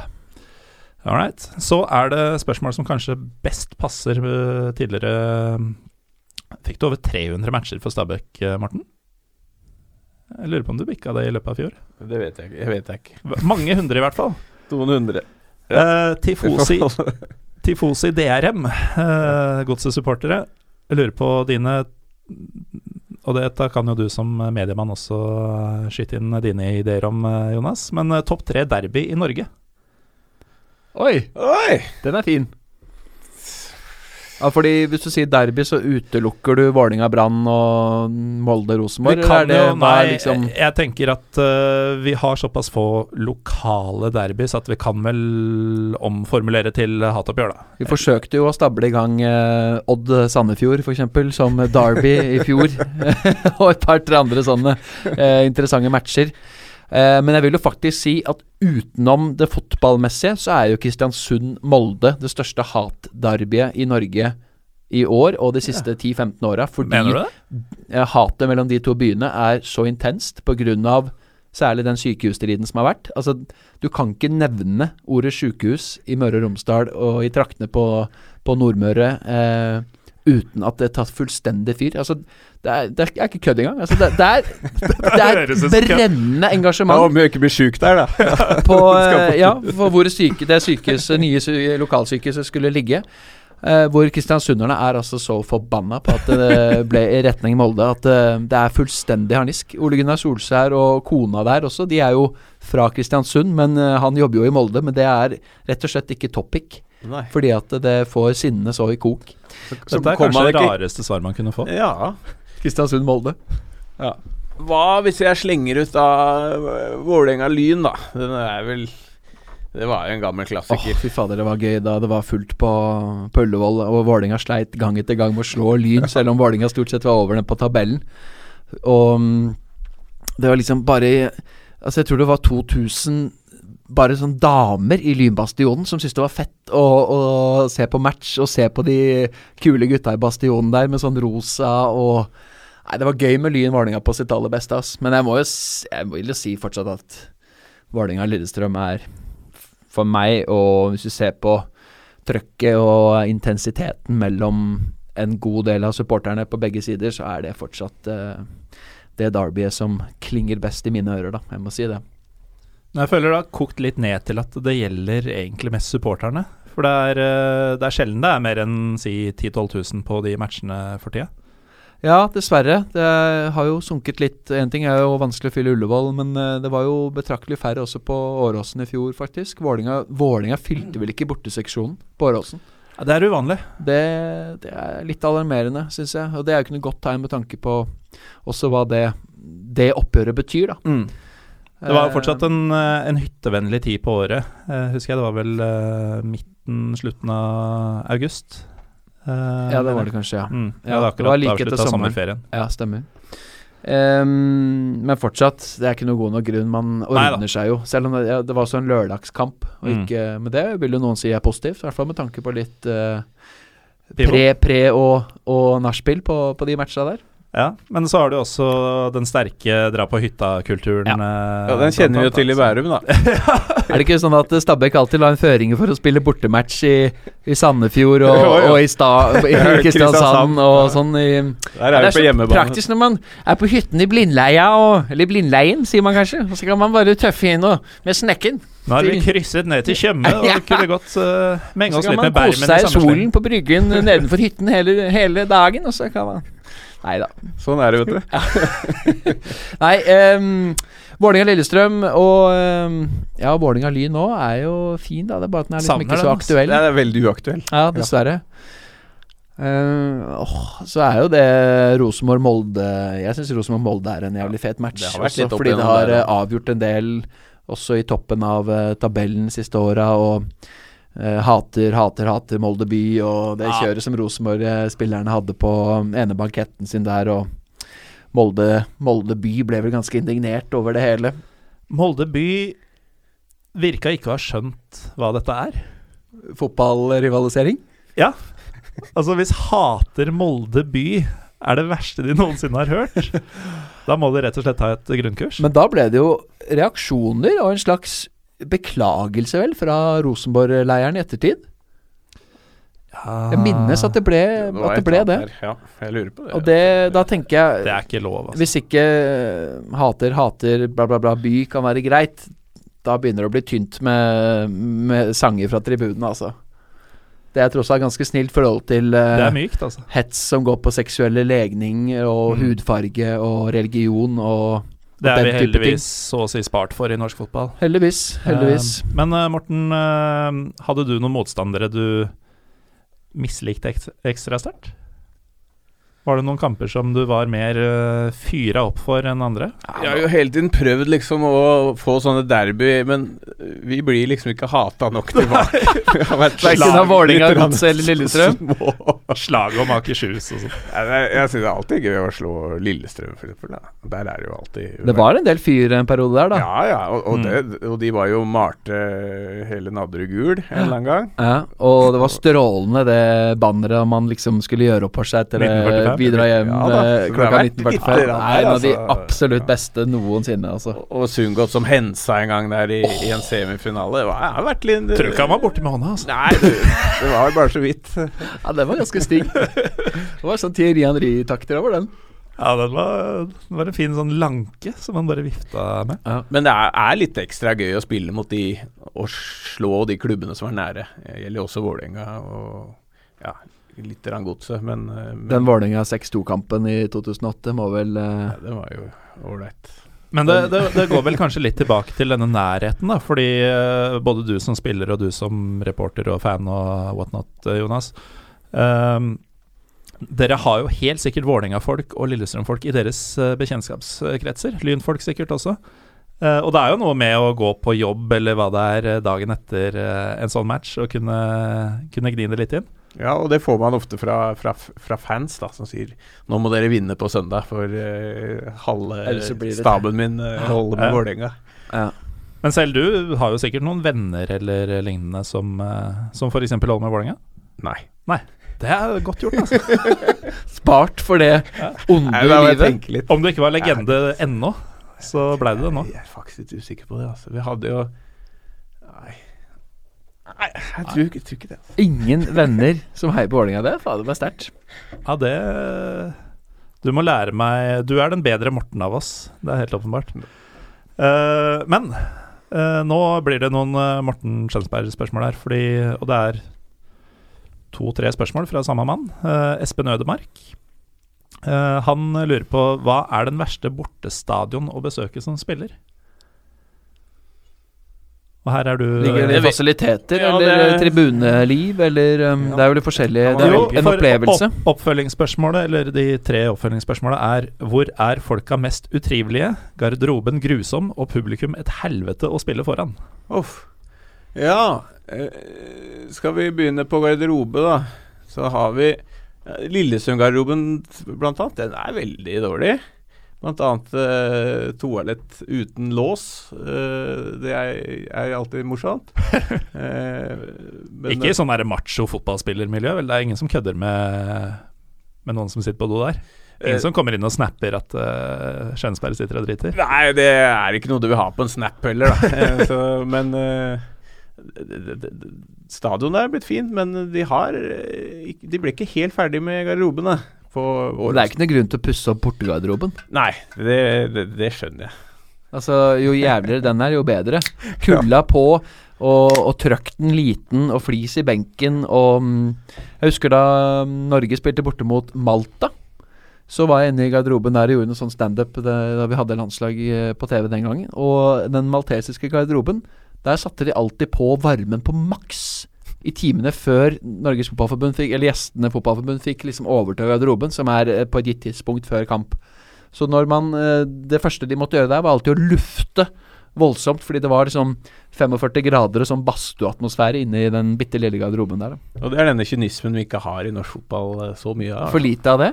Er det møtes man aldri av Veldig, stort sett veldig hyggelig eh, å komme, og du ble tatt godt imot og hilst på sånn på alle stadioner. Og det, det syns jeg man skal hegne om ja, i norsk fotball. At det er litt koseligere og, og litt nærere, som vi snakka om før. da Og selv det maltesiske trikset, som, eh, som jo var eh, forholdsvis snilt. Eh, eh, Ja, men det, det var jo ganske heavy, sånn Ja. sammenligna med at eh, det er litt vonde benker og Det var utspekulert. Ja, men uh, vet det, ikke hvor mye Malta har vunnet på det, men det er et stykke opp å gå til Det er sikkert slått Norge, ja.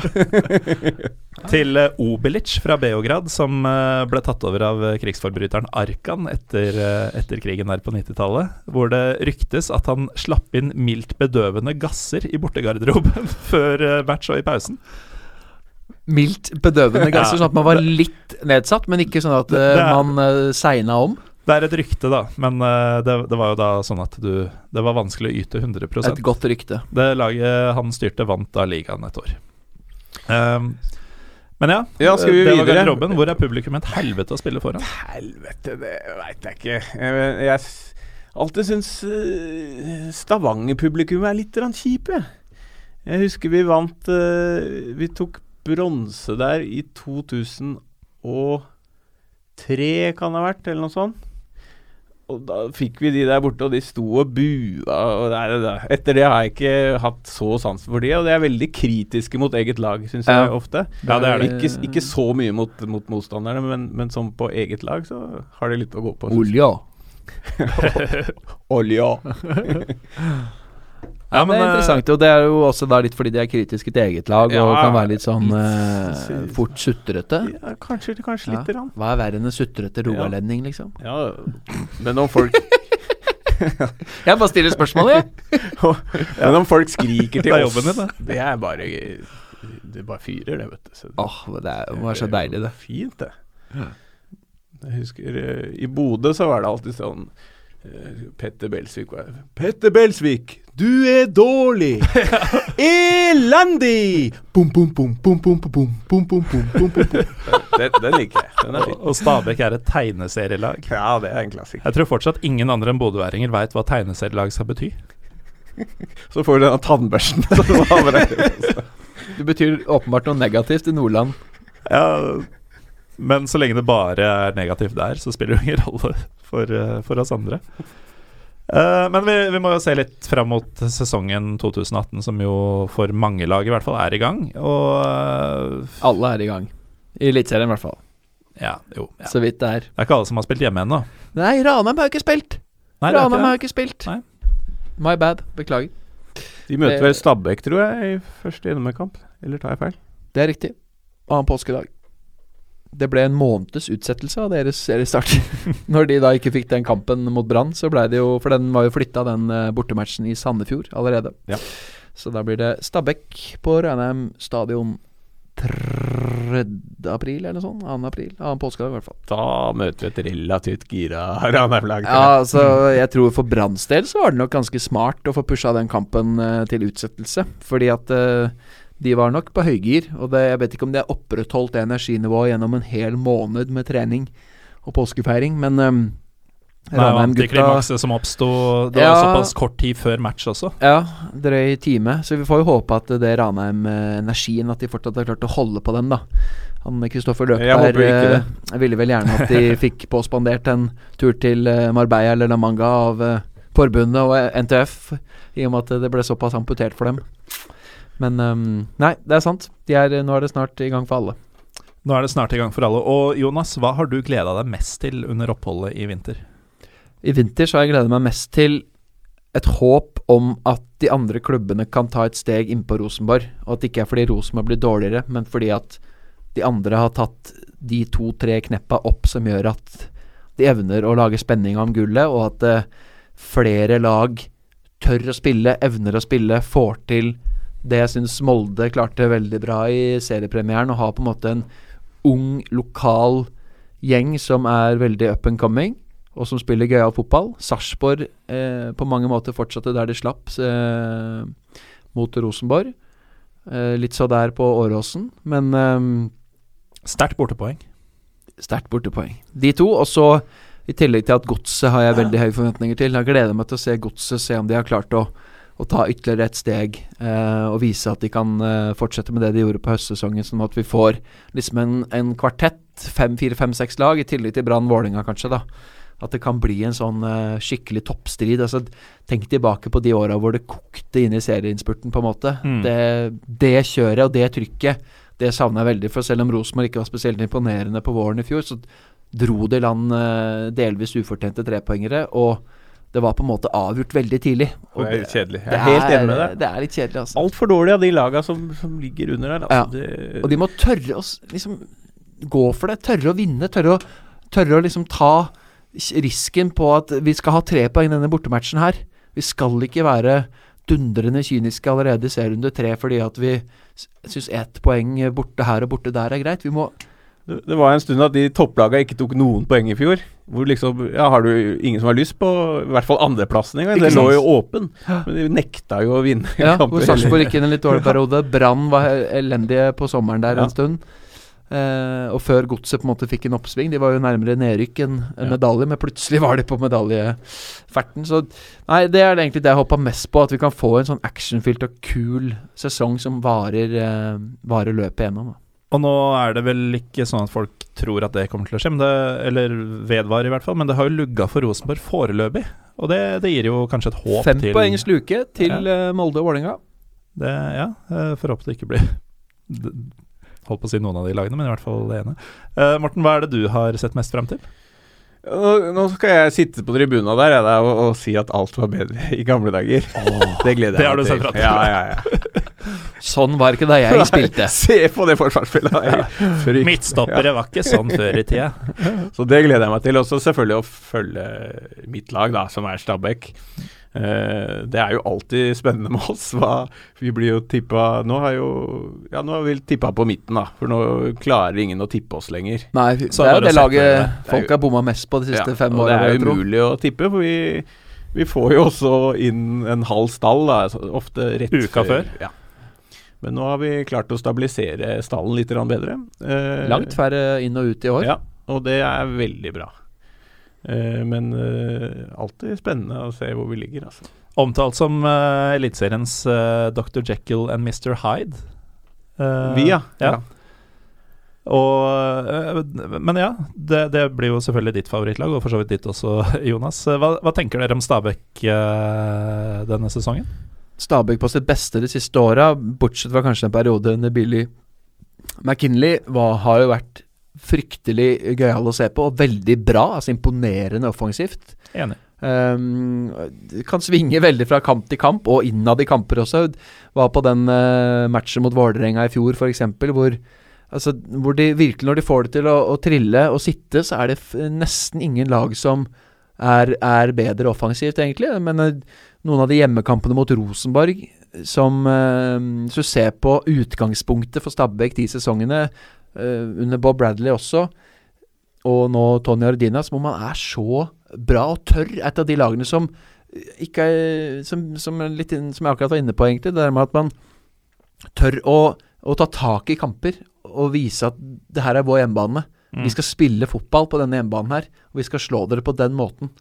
Og så, ja, så kanskje det kommer en baklengs i, i ny og ne, og det er jo ofte ungt, og det er uh, ferskt, og, og sånn og sånn, men hvor mye man får ut av talent, og hvor flinke man er til å snappe de spillerne som ikke har lyktes kanskje andre steder, det har vært eh, kjempekult. Så jeg håper at eh, Stabæk treffer den bølgen også i år, da. Så, og den Strømsgodset-matchen på Marienlyst var jo egentlig ganske godt bilde på hva Stabæk er for noe. Det kunne endt med 5-2-tap, man kunne også vunnet 5-2. Hadde man uh, satt et par av de feite sjansene Ja, ja. som uh, ble svidd her. Så nei, det um, Stabæk er uh, veldig sjelden kjedelig å se på. Til forskjell fra et par-tre andre lag jeg ikke skal nevne med navn. Nevn dem med navn. Nei, det, det gjør vi ikke. Ikke nå. uh, hvem er det som kommer til å slite? Hvem ser dere for dere i nedrykksstriden? Sandefjord tror jeg kommer til å få det tøft, altså. Selv med Magnus Powell? Ja, det er klart jeg vil eh, litt for å se. Jeg er imponert over mye av det han har fått til i Levanger. Og der eh, syns jeg han eh, framsto på en utrolig fin måte. Og Levanger er jo heller ikke noe klubb med store ressurser, men måten de har håndtert opprykket og, og etablert seg og sånn, det skal han ha absolutt en del av æren for. Så Men det er jo en gjenganger da i disse tipsene, har jeg sett uh, helt i bånn der. Tror jeg har Ja, der selv, og i utgangspunktet så tenkte man ja, ja, Ranheim, herregud, det blir jo bunnproppen. Mm. Og så ser man litt på det, og så tenker man ok, Sandefjord, Lars Bohinen, hvorfor forlot han dem nå etter å endelig ha etablert dem på midten av tabellen, eller gjen- gjennom en ganske god 2017-sesong? Eh, men det er jo en grunn kanskje til at han søkte nye utfordringer, følte kanskje at det laget var kommet så langt han kunne nå dem. Hva vet jeg. Og så kommer det inn en mann som egentlig er glad i å spille en helt annen formasjon.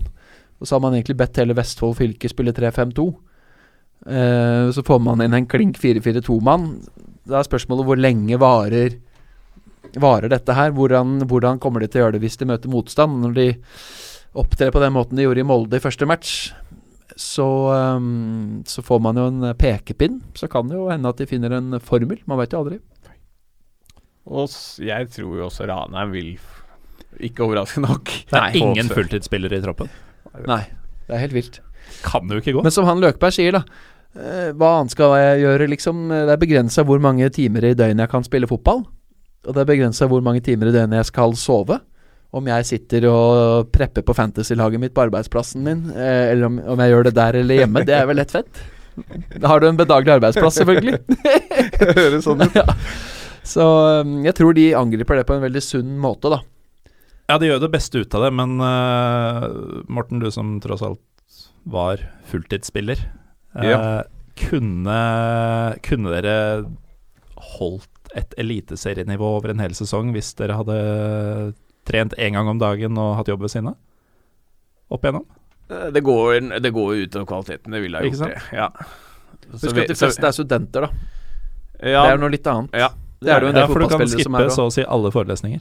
Ja, for det Ja. første, og det er jo en del eh, fotballspillere som utdanner seg Om de ikke tar fulle løp, så kjører de i hvert fall et parallelt Jo da, men, men det går ikke på bekostning av treninga.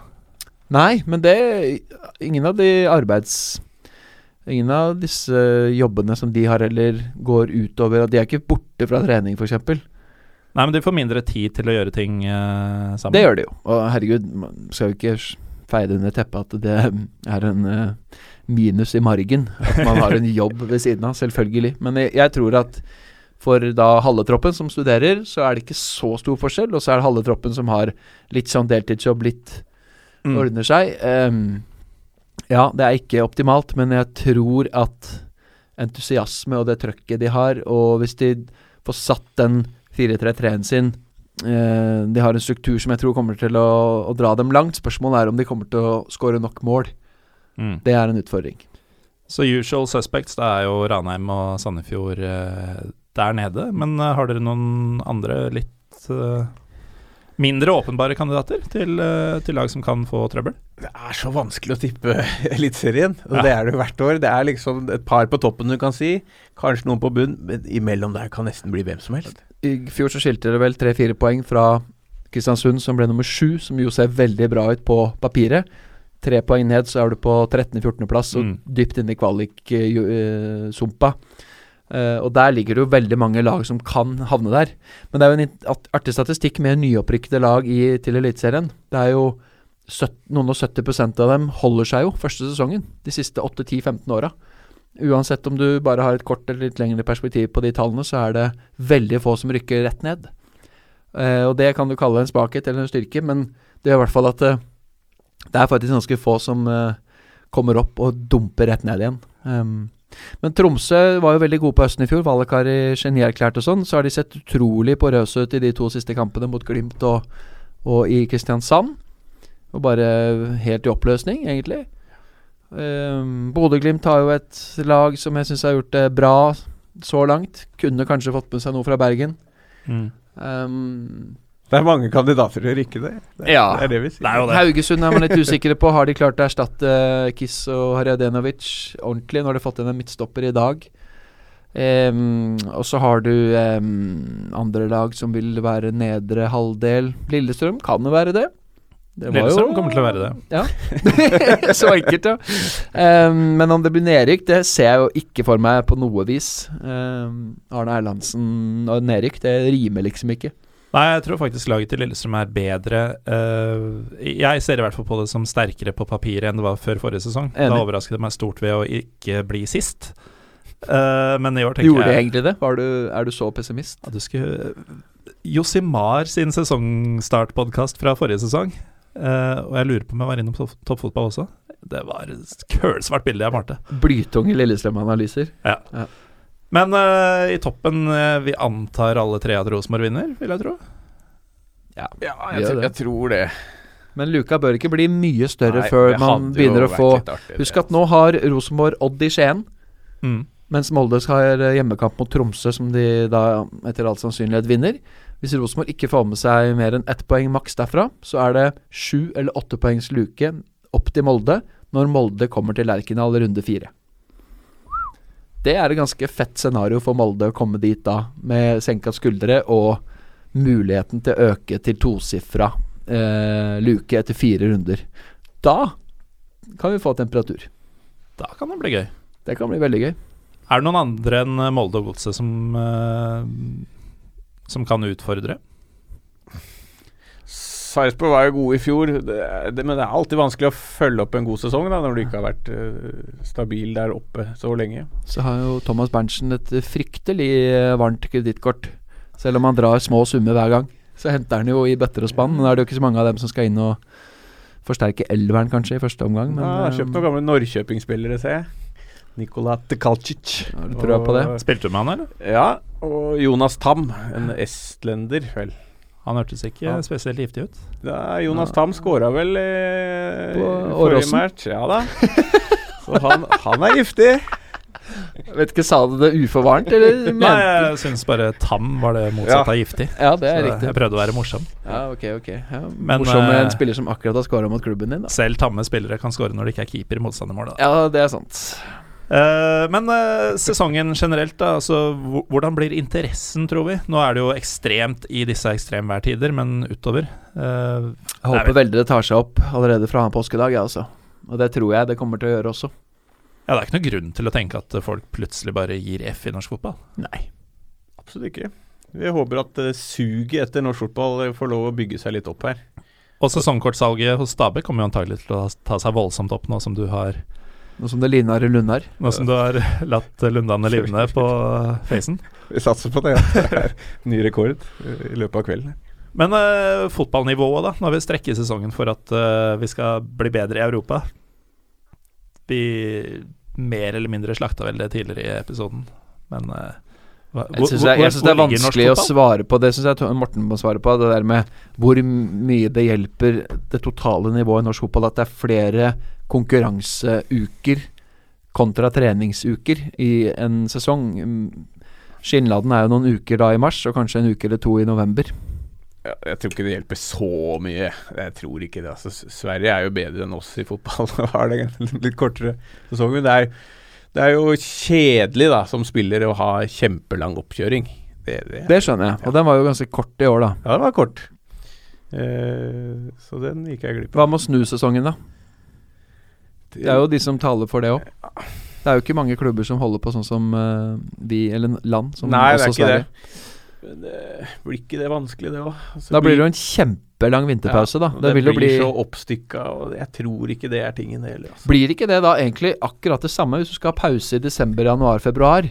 Så blir det jo akkurat det samme som det er nå, bare at uh, høsten er halv, uh, serien er halvspilt på høsten. Og så, blir- det er jo egentlig akkurat det samme. Ja, så da gjør vi ikke det. Så vil det føles utrolig rart å ikke starte på våren.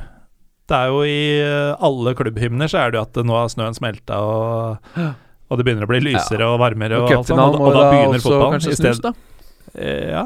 Uff, det hadde vært krise å spille Mm. den i fellesferien.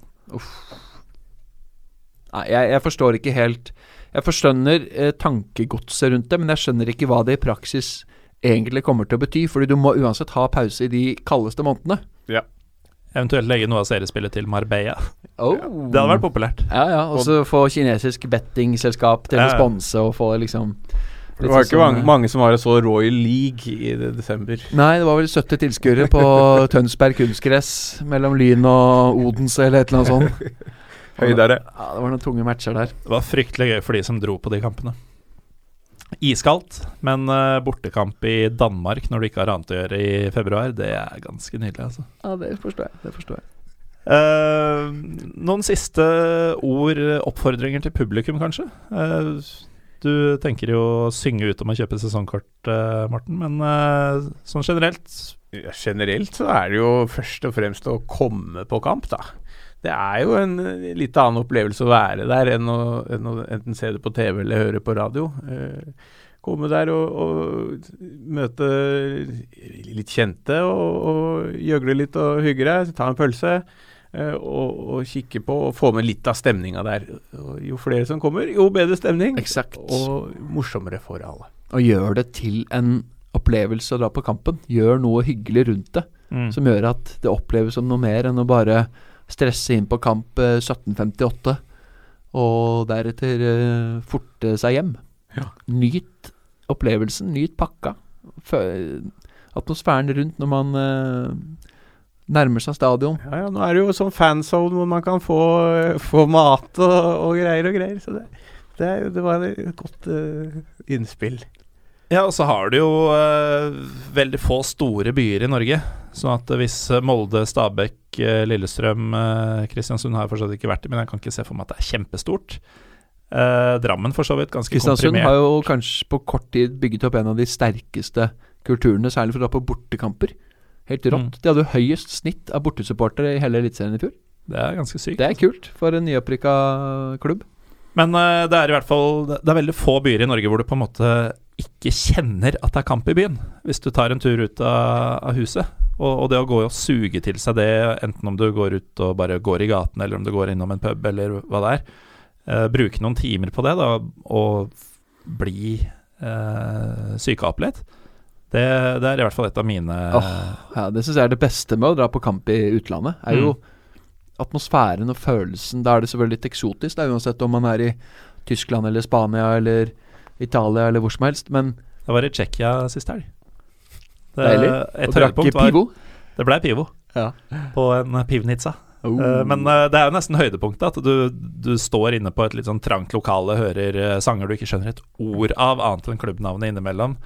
Eh, mens nå i dette tilfellet ganske sånn klumpete, skalla østeuropeere eh, nærmest holder rundt deg og Har du noe imot klumpa, skalla typer? Jeg er veldig pro dem.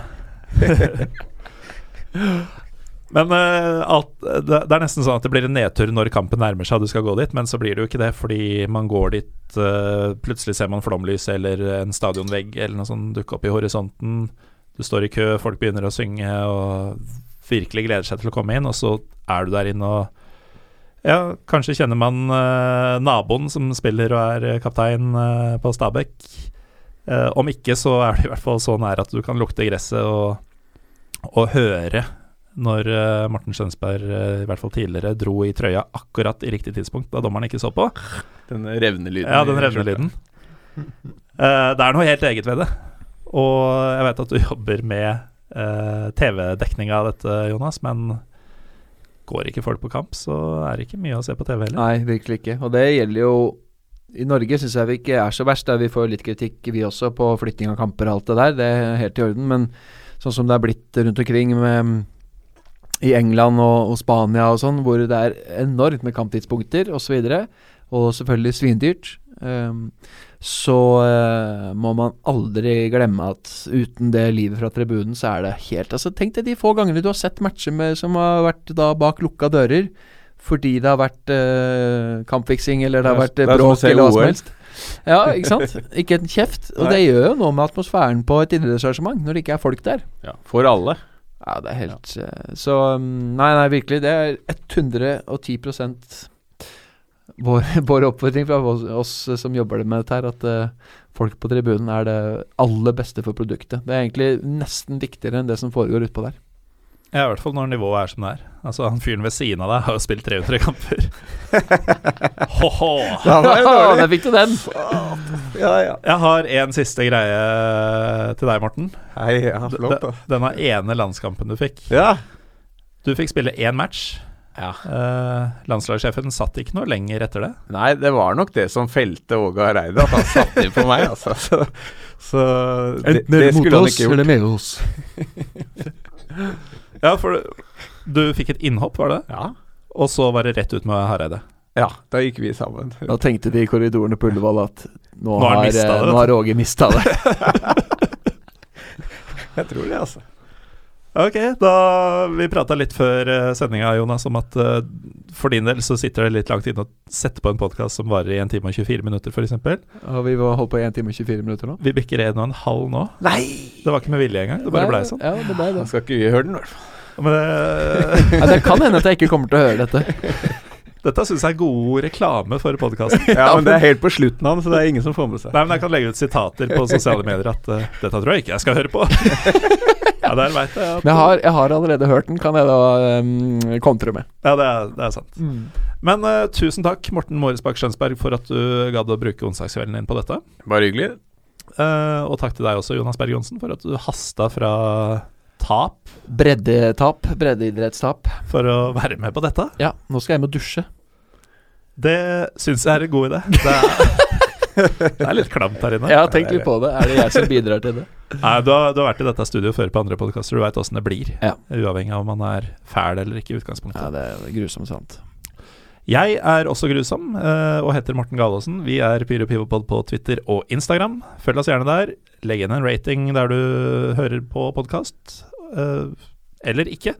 Hør i hvert fall på podkasten videre også, selv om dette var en litt spesiell seanse. Nei. Uh, vi er forhåpentligvis tilbake neste uke. Hvis ikke får dere ha god påske, og så høres vi neste gang. Hei då! Ha det.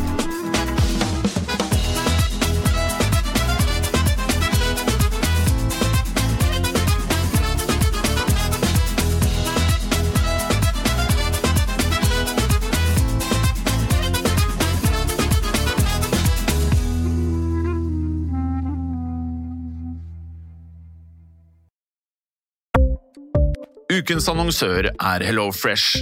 HelloFresh er verdens ledende matkasseleverandør og kan være redningen i en travel hverdag. Mange av oss har nok vandret i butikken både sultne og uten en plan for middagen, som ender med at vi går for de samme kjedelige rettene gang på gang. Middag burde være dagens høydepunkt. Som HelloFresh kan du nå velge mellom 25 ulike retter hver eneste uke, eller få HelloFresh til å sette sammen menyen for deg. Dette gir deg muligheten til å prøve nye og spennende retter alene eller sammen med familien. Du velger antall porsjoner og får alt levert på døren på et tidspunkt som passer for deg. Oppskriftene er enkle, og maten er lett å lage både for store og for små.